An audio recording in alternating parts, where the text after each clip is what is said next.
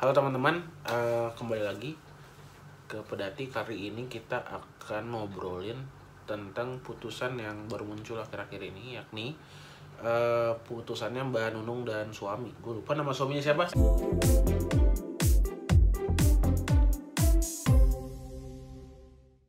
Julijan Sambiran Sambiran. itu dia. Nah, berdasarkan berita dari kompas.com yang ditulis oleh Andika Aditya ini dikatakan bahwa eh, Mbak Nunung dan sang suami difonis satu setengah tahun. Fonis pidana ya dihukum satu setengah tahun. Tapi di sisi lain mereka berdua juga ditempatkan masih di RSKO Cibubur. eh yang mana buat gue nggak tahu buat Acit ya. Buat gue tuh aneh banget. eh karena eh, kayaknya kemungkinan besar karena belum ada putusannya ya. Maksudnya di di di internet Belum diupload. belum diupload. Tapi kemungkinan besar terbuktinya pasal 127. Makanya bisa di diputus di bawah eh, empat tahun. Karena kalau misalnya yang terbukti 112 sama 114 itu kan minimal masing-masing 4 tahun gitu. Jadi ini kan satu setengah tahun. Jadi kayaknya yang terbukti 127. Nah, kalaupun 127 yang terbukti dan putusannya rehab, gua sih mempertanyakan angkanya. Rehab macam apa? Satu setengah tahun, cuy. Gitu. Karena bahkan eh, rehab fisik aja jarang yang selama itu. Maksudnya ini kan rehab eh, rehabilitasi narkotika kan kebanyakan rehabilitasi yang sifatnya eh, mental gitu ya. Nah, banyak ada yang rehabilitasi fisik gitu misalnya fisio atau semacamnya itu bahkan nggak butuh waktu Selama itu. selama itu gitu. Nah di kalau saya nggak salah eh, di surat edaran Mahkamah Agung yang tentang rehabilitasi itu itu biasanya ya itu ada aturan tentang panjang eh, putusan rehab dan biasanya 3 sampai enam bulan aja nggak nyampe satu setengah tahun gitu dan kalau misalnya hari ini teman-teman ada yang pergi ke Lido misalnya secara sukarela itu nggak bakal ada yang satu satu setengah tahun. Setahu saya biasanya tiga bulan sampai enam bulan gitu. Tergantung dari banyak aspek tapi enam bulan kayaknya yang paling lama. Kecuali kemudian datang lagi datang lagi dan datang lagi. Tapi programnya sendiri jarang yang satu setengah tahun. Jadi saya mempertanyakan itu juga sih. Tapi di sisi lain eh, well done eh, untuk hakimnya sendiri dan untuk Mbak Nunung dan suami karena paling nggak dapat putusan rehab. Dan ketika ditempatkan di RSKO Cibubur setahu saya biasanya kalau di RSKO orang yang masih punya pekerjaan eh, itu masih boleh keluar. Jalan itu ya? Masih boleh keluar walaupun harus kembali lagi ke RSKO gitu untuk menjalani re- rehabilitasinya tentu saja gitu. Eh, yang mana ya kayaknya di aspek memutus rehabnya itu patut dicontoh nah cuman per- per- persoalan angka ini adalah persoalan yang gue selalu kritik dari dulu karena gue Yang selalu pernah lu tulis juga ya? Iya, karena gue selalu menilai bahwa hakim yang not- notabene sarjana hukum bukanlah pihak yang paling tepat dan paling benar untuk menentukan seseorang ini perlu diterapi berapa lama. Pertanyaan itu, seseorang perlu diterapi berapa lama, itu pertanyaan yang harus dijawab oleh kalau nggak dokter ya konselor adiksi, bukan hakim atau ahli hukum gitu sih. Dan pun misalkan dokter dan konselor adiksi, apakah mereka bisa memproyeksikan itu di awal atau lihat perubahannya? Maksudnya, Benar, apakah benar. itu terjawab seiring si pasien ini melakukan benar benar rehab? benar benar nah kalau itu pertanyaan lain lagi maksudnya eh, ketika misalnya si dokter atau si konselor bikin program misalnya Iya, ya iya. untuk kayaknya tiga bulan atau enam bulan gitu. Nah tapi di tengah jalan mungkin Bisa lebih cepat. ternyata bisa lebih cepat. Nah ketika prosesnya itu dilakukan dalam konteks perawatan maka bisa di diselesaikan dalam kayaknya dua, dua minggu lagi bisa selesai deh. Nah masalahnya satu setengah tahun ini kan putusan pengadilan. Kaku. kaku sifatnya firm. Walaupun misalnya eh, dalam enam bulan atau 8 bulan kita udah bisa melihat eh, perubahan perilaku gitu misalnya. Empat bulan bahkan kita udah bisa lihat perubahan perilaku tapi kan masih ada sisanya yang harus dijalani. Nah sisa ini menurut saya itu belum tentu berdampak baik. Bisa aja dia tambah baik bisa. Maksudnya tambah baik dalam konteks apa sih yang orang pikir tentang rehabilitasi ya? Tapi bisa juga itu justru menimbulkan dendam atau kemarahan pada sebuah proses perawatan yang tidak orang ini kehendaki gitu. Takutnya justru malah apa ya malah marah sama proses yang mestinya mestinya karena nggak nggak disesuaikan dengan kebutuhan Iya, pada proses yang mestinya terapeutik, pada proses yang mestinya menyembuhkan, memulihkan, malah dia terlukai oleh proses itu karena dilakukan pada jangka waktu yang eh, terlalu lama atau sudah tidak diperlukan oleh si eh, pasien atau klien gitu sih. Kalau misalkan di kebijakan-kebijakan di luar nih ya sejenis Indonesia terkait Hmm. rehabilitasi, apakah bisa fleksibel itu atau sama masih kaku? Kuncinya adalah eh, makanya ada beberapa negara yang masih mengkriminalisasi pemakaian narkotika ya se- sebuah hal yang sebenarnya nggak perlu tentu saja untuk beberapa negara yang masih mengkriminalisasi makanya dibangun sistem drug court Hmm. jadi hakimnya memang di train khusus ada ada orang yang bisa ngasih arahan untuk putusannya berapa lama dan segala macam tapi kalau kita bangun sistem drug court maka kita mengamini secara institusional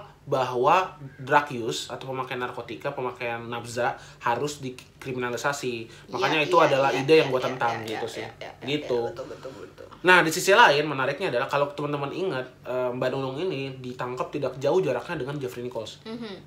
Jeffrey Nichols nggak perlu sidang loh, pulang dia. Kenapa gue nggak tahu. Apa sih yang ngebedain antara Jeffrey Nichols dan Mbak Nunung dan suami? Dua-duanya sama-sama beli narkotika, dua-duanya sama-sama nyimpen narkotika di kediamannya, dua-duanya yang beda zatnya. Eh, Jeffrey Nichols ganja, Mbak Nunung Sabu. sabu dan dua-duanya kalau nggak salah ditangkap polisi Mhm. bukan bukan BNN, BNN. Eh, di dua kasus yang sebenarnya kurang lebih sama dengan gramatur yang sama-sama kurang dari surat edaran Mahkamah Agung nomor 4 2010 ada pendekatan hukum yang beda satu pulang satunya sidang kalau orang dengan level kayak mereka aja dibeda-bedain Bagi kami. eh, gimana kalian remah-remah rengginang gitu Ya, tapi gue ada satu pertanyaan sih. Oh, ya. Karena sempat kontroversial juga tuh selama empat sidang yang dijalankan oleh Mbak Nunung dan suaminya gitu Hmm. kan. Sempat ada kalau nggak salah ahli yang menyebutkan bahwa Mbak Nunung ini eh, terindikasi memiliki gangguan kesehatan jiwa. Jiwa, benar. Nah, ini bagaimana kalau misalkan akhirnya kan putusannya rehab dan Betul. kayaknya tuh juga saling keterkaitan gitu ya Iya, antara eh, proses penyembuhan atau bukan penyembuhan ya, proses re- rehabilitasi lah narkotikanya dengan kesehatan dengan mentalnya kesehatan- nah, harusnya mesti gimana nih gitu untungnya di RSKO Hmm. karena di RSKO lebih komplit pelayanannya. Jadi pasti ada psikiater gitu dan dan rumah sakit Eh, bayangin kalau bukan bukan meremehkan ya tapi pasti ada tempat-tempat yang tidak sekomprehensif RSKO gitu. Eh, misalnya eh, untuk yang berbasis masyarakat aja kebanyakan kan isinya konselor adiksi. Jadi pas belum tentu ada psikiaternya gitu. Eh, nggak harus ada psikiater sih maksudnya bisa bisa aja tenaga ahli Iya kesehatan jiwa kan bisa aja ditangani psikolog, gitu. Psikolog, ya. Tapi kadang-kadang mungkin butuh obat atau segala macam. Nah di titik itu kan mungkin butuh psikiater. Nah gue sebenarnya secara pribadi gue juga kurang paham itu gimana dinamikanya. Tapi yang jelas eh, Mbak Nunung kalau untuk konteks dokter dan segala macam diuntungkan dengan vonis yang merujuk dia ke RSKO karena di RSKO cukup lengkap gitu sih. dan selama ini nggak ada aturan baku ya maksudnya si hakim punya keleluasan untuk menaruh orang di mana di mana di mana gitu? Di mana di kayaknya sih eh, kemungkinan besar han- hanya akan diberikan ke apa ke institusi yang diselenggarakan oleh negara gitu. Makanya rujukannya RSKO dan mungkin juga Lido gitu. Oke. bisa kalau di Pulau Jawa ya. Ya ya Nah, ya. eh, yang menarik yang sebenarnya gue tunggu-tunggu adalah ada hakim yang memu- mau memutus rawat jalan hmm, itu jarang ya? Jarang karena dan belum pernah ketemu sih kalau gue. Biasanya eh, kalau biasanya orangnya udah rawat jalan terus ketemu ketemu pengadilan karena konsumsi narkotika akhirnya diputus bebas atau lepas supaya dia balik ke rawat jalannya dia gitu.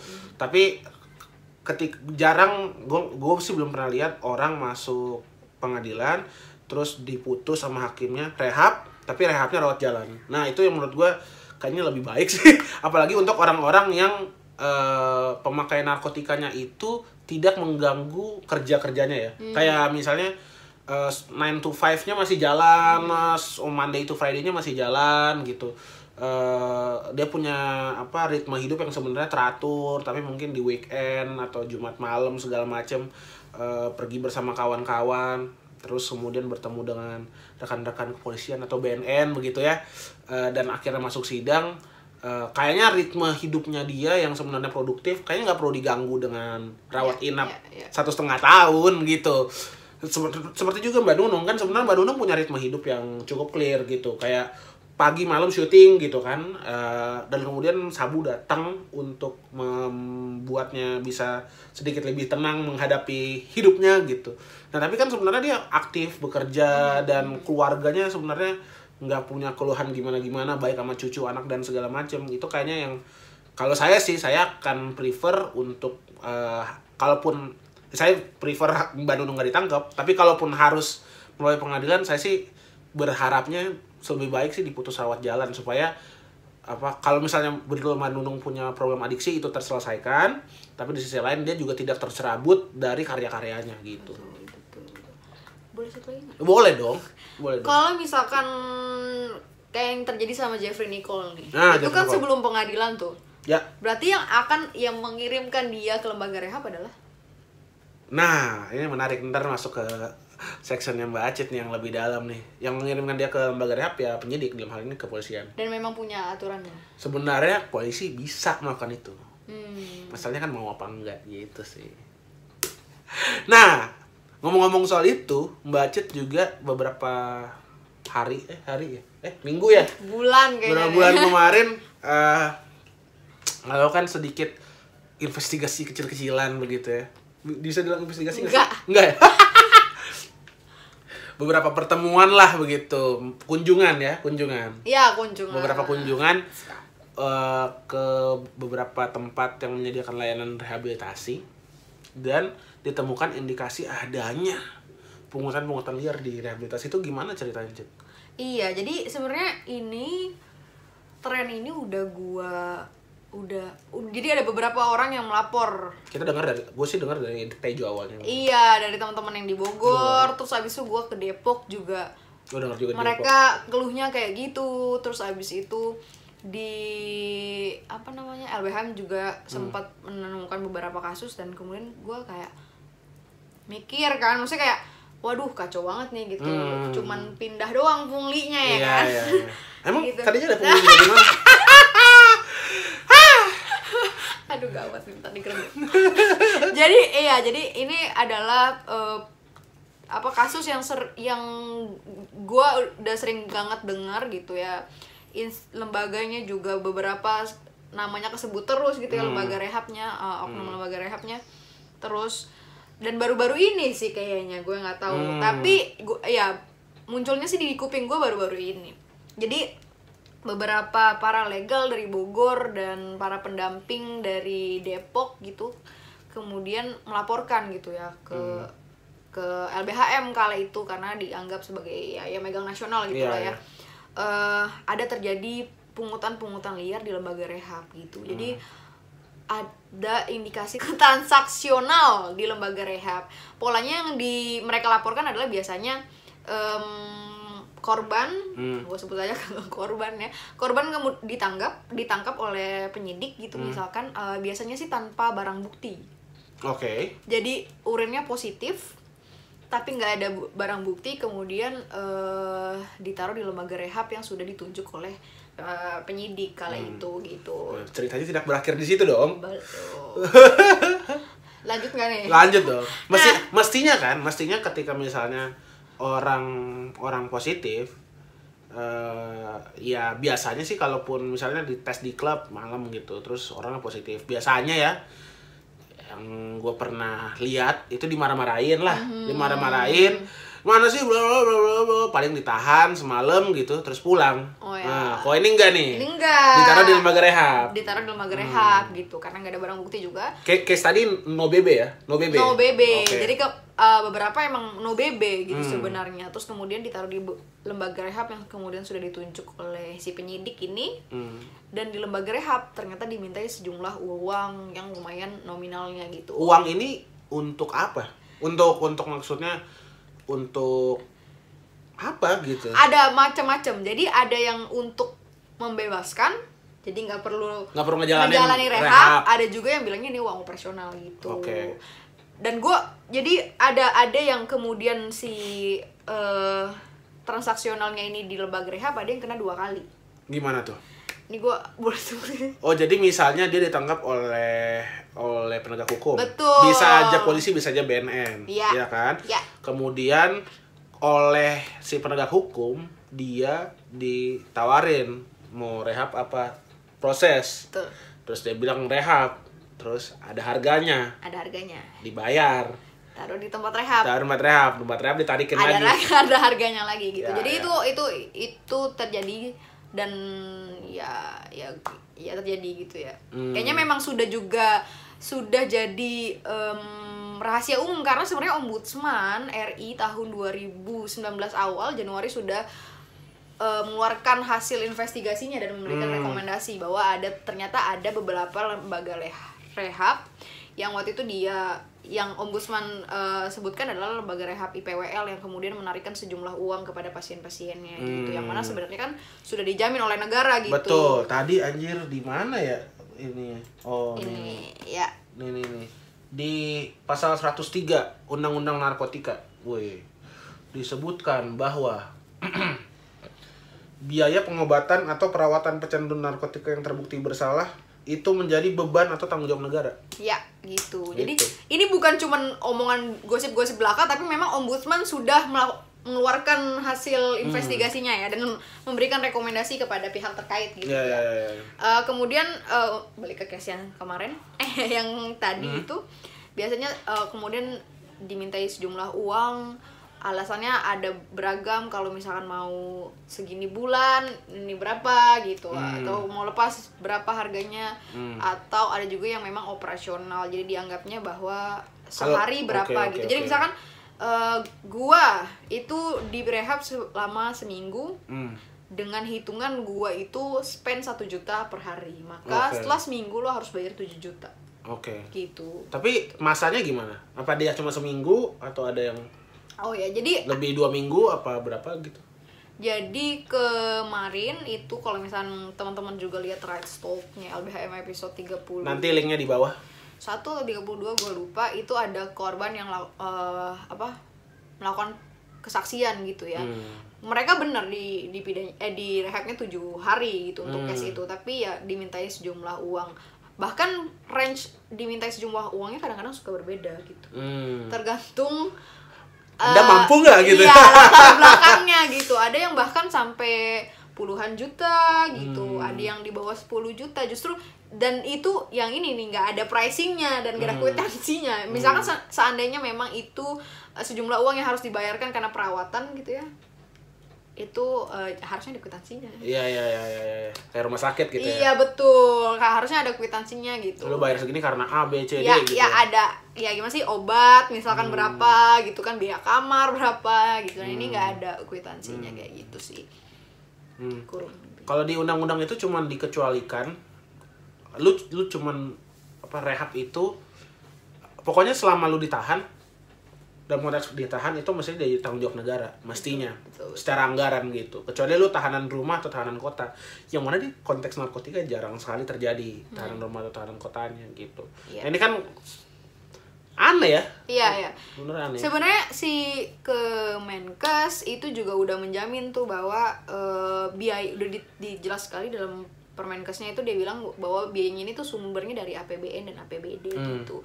Dan apalagi buat mereka yang nggak mampu juga udah pasti ditanggung oleh negara melalui dinkes dinkes gitu. Nah gue pengen ngomong apa tuh ya? Kementerian Sosial juga sama ya? Sama sama. Kemenkos juga eh Kemensos juga bilang bahwa ini dijamin. Oh ya dan sebenarnya bagi keluarga atau teman-teman yang mungkin tahu dan oh ya nih gitu. Sebenarnya kalian bisa ngelapor hmm. gitu ke kementerian-kementerian terkait. Karena seperti yang Johan dan teman-teman di LBHM juga melakukan penelitian bahwa gue nggak di LBM lagi. Iya dulu ya penelitiannya. Jadi it kalau nggak salah ya eh, si lembaga-lembaga rehab ini tuh di bawah naungan kementerian masing-masing. tiga tiga lembaga yaitu Kementerian kesehatan sosial sama BNN, BNN.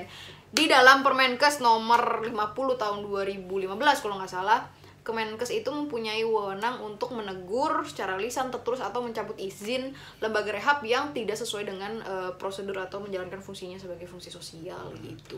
ada masalah lagi sih di di, di konteks ini. Eh, apa namanya? Pertama eh, ombudsman itu mas kan sifatnya dia nggak bisa memaksa. Betul, jadi apa yang dia putuskan itu sifatnya rekomendatif tapi di negara-negara yang punya budaya hukum yang tinggi perusahaan ombudsman itu jadi sebuah komando yang harus ditaati karena institusi-institusi negara yang lain ngerasa bahwa kita pengen melayani publik dengan baik gitu. Jadi ada semangat itu dari dalam dirinya sehingga ketika ngeliat ombudsman menegur dirinya oke saya harus nurut. Itu yang terjadi kan. Nah di Indonesia gua nggak ngerti deh level kesadaran hukumnya udah sejauh apa Ya. untuk kemudian merespon uh, teguran ombudsman tadi itu. Nah, yang kedua adalah walaupun tempat-tempat rehabilitasi tadi ditegur, yakni yang ada di bawah ada yang yang ada di bawah BNN Kemenkes maupun Kemenkes, yang ini persoalan adalah tempat rehab yang tempat rehab-rehab ini itu nggak tahu nggak jelas karena yang bawa adalah penegak hukum Ya. Dan hmm, jadi gua nggak tahu apakah mereka ini memang dibawa ke tempat IPWL apa gimana Ya, gitu. ya, ya. Apalagi kemarin beberapa waktu lalu, kayak beberapa tahun yang lalu, polisi juga pengen ikut serta dalam skema IPWL. Jadi itu adalah ada sebuah hal Ya. yang menarik juga. gitu. Dan sebenarnya di dalam Kemenkes sendiri Permenkes nomor either 2415 tahun 2011 atau nomor 50 tahun 2015 itu disebutkan tuh bahwa si lembaga rehab harus memajang surat nomor izin Oke. di depan lembaga rehabnya gitu. Nah, tempat yang lo kunjungin gimana? Hmm. Tempat yang gue kunjungin kalau nggak salah ada, ada kayaknya. Kayaknya. ada, ya. kayaknya ada. ya. Kayaknya, kayaknya. Yang artinya sebenarnya Karena gue nggak diizinkan untuk masuk. Oh gitu. Ya, ya, Oh ya. gitu. Gitu. Ya ya ya ya ya. ya, ya. begitu dan Gitu. ini bahaya maksudnya kalau isu ini tidak disadari oleh pemerintah menurut gue itu sangat bahaya mengingat Sayang banget ya. ya, ya. iya karena mengingat juga wacananya pemerintah mau melakukan apa dekriminalisasi terhadap pengguna Hmm, narkotika kemudian Bapak Yosona Lauli Menteri Hukum dan HAM kita juga udah pengen masukin RUU narkotika sebagai prioritas Tas. di DPR gitu. Nah, ini perlu di acknowledge bahwa oke eh, pengguna narkotika sudah di, tidak dipenjara tapi jangan sampai kemudian hanya berubah bentuk gitu. Hmm, hmm, hmm. menjadi pemenjaraan atas Betul. nama pemulihan. Iya, Ya, iya, ya, ya, iya, ya. iya, gitu. Oke, itu aja untuk yang hari ini. Semoga teman-teman mendapatkan hal-hal yang menarik untuk didiskusikan atau dipikirkan. Jangan bosan. Terima kasih sudah menonton eh, dan jangan bosan karena besok ada acara lagi. Dadah.